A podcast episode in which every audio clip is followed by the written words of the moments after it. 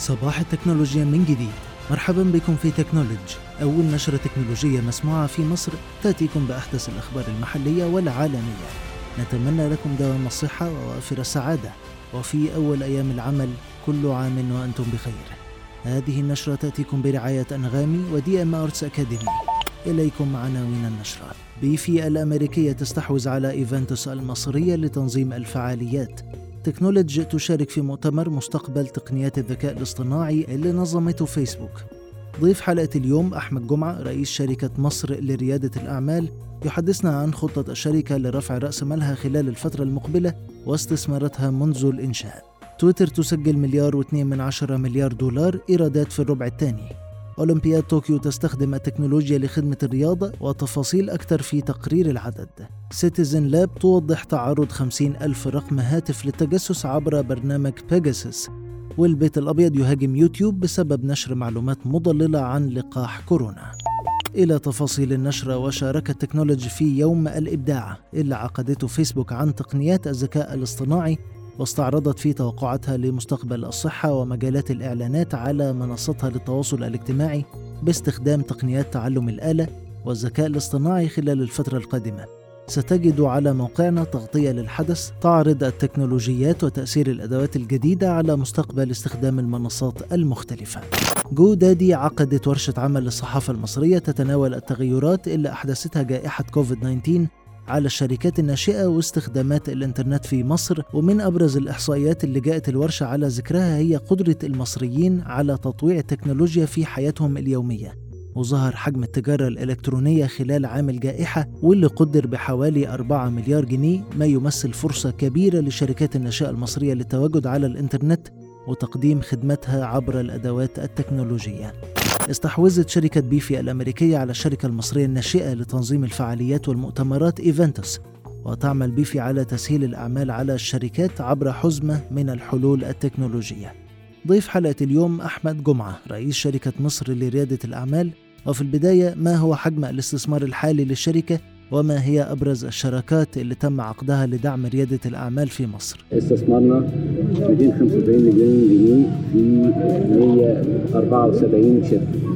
وإحنا بنحتفل بإن إحنا معانا أكبر مسرعات أعمال. ما هي معايير اختيار الشركات اللي بيتم الاستثمار فيها وما هو حجم الاستثمارات اللي بيتم توجيهها للشركات؟ بيبتدوا بالفكرة ويوصلوا لأوائل التشغيل فدي الاكسلريتورز بيحطوا من 250 ألف ل 3 مليون. الاستثمارات المباشره عندنا إحنا بقى الشركة. بتدخل في المرحلة لما تكون الشركات دي نجحت آه ونقدر ان إحنا فبندخل في المرحلة دي نحط إيه؟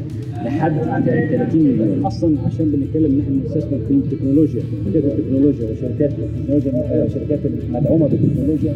بطبيعة الحال هي tech startup هي technology based المجالات اللي إحنا بنبص فيها حاجات كثيره جدا منهم مثلا المجال الطبي منهم مجال ال AI منهم مجال التكنولوجيا. ما هي الحصص التي تستحوذون عليها من الشركات؟ لما بنخش مثلا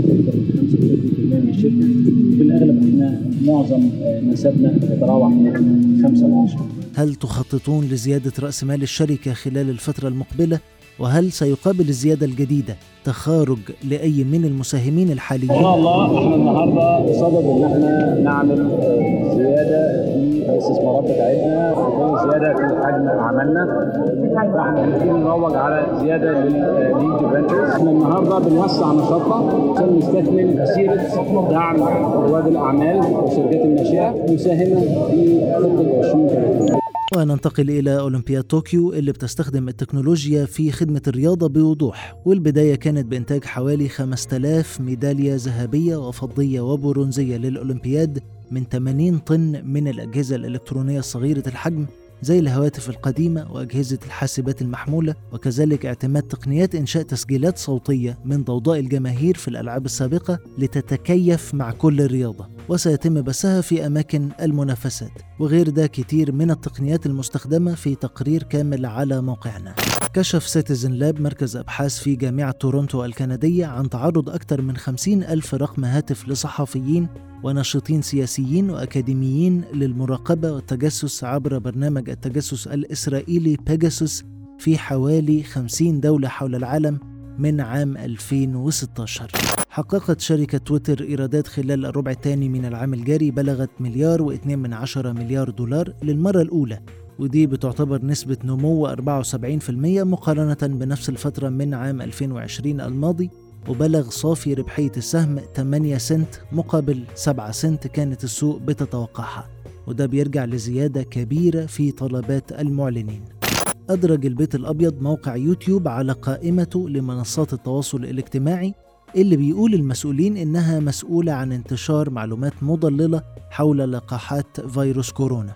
كانت شركات وسائل التواصل الاجتماعي قد تعرضت مؤخرا لانتقادات من بايدن وسكرتيرته الصحفية متهمين المواقع بنشر الأكاذيب حول اللقاحات بما يجعل من الصعب مكافحة الوباء وإنقاذ الأرواح. هذه النشرة تأتيكم برعاية أنغامي ودي أم أرتس أكاديمي لمزيد من الأخبار الحصرية محليا وعالميا. اطلعوا على نشرتنا وزوروا موقعنا technology.news دمتم بخير وأمان.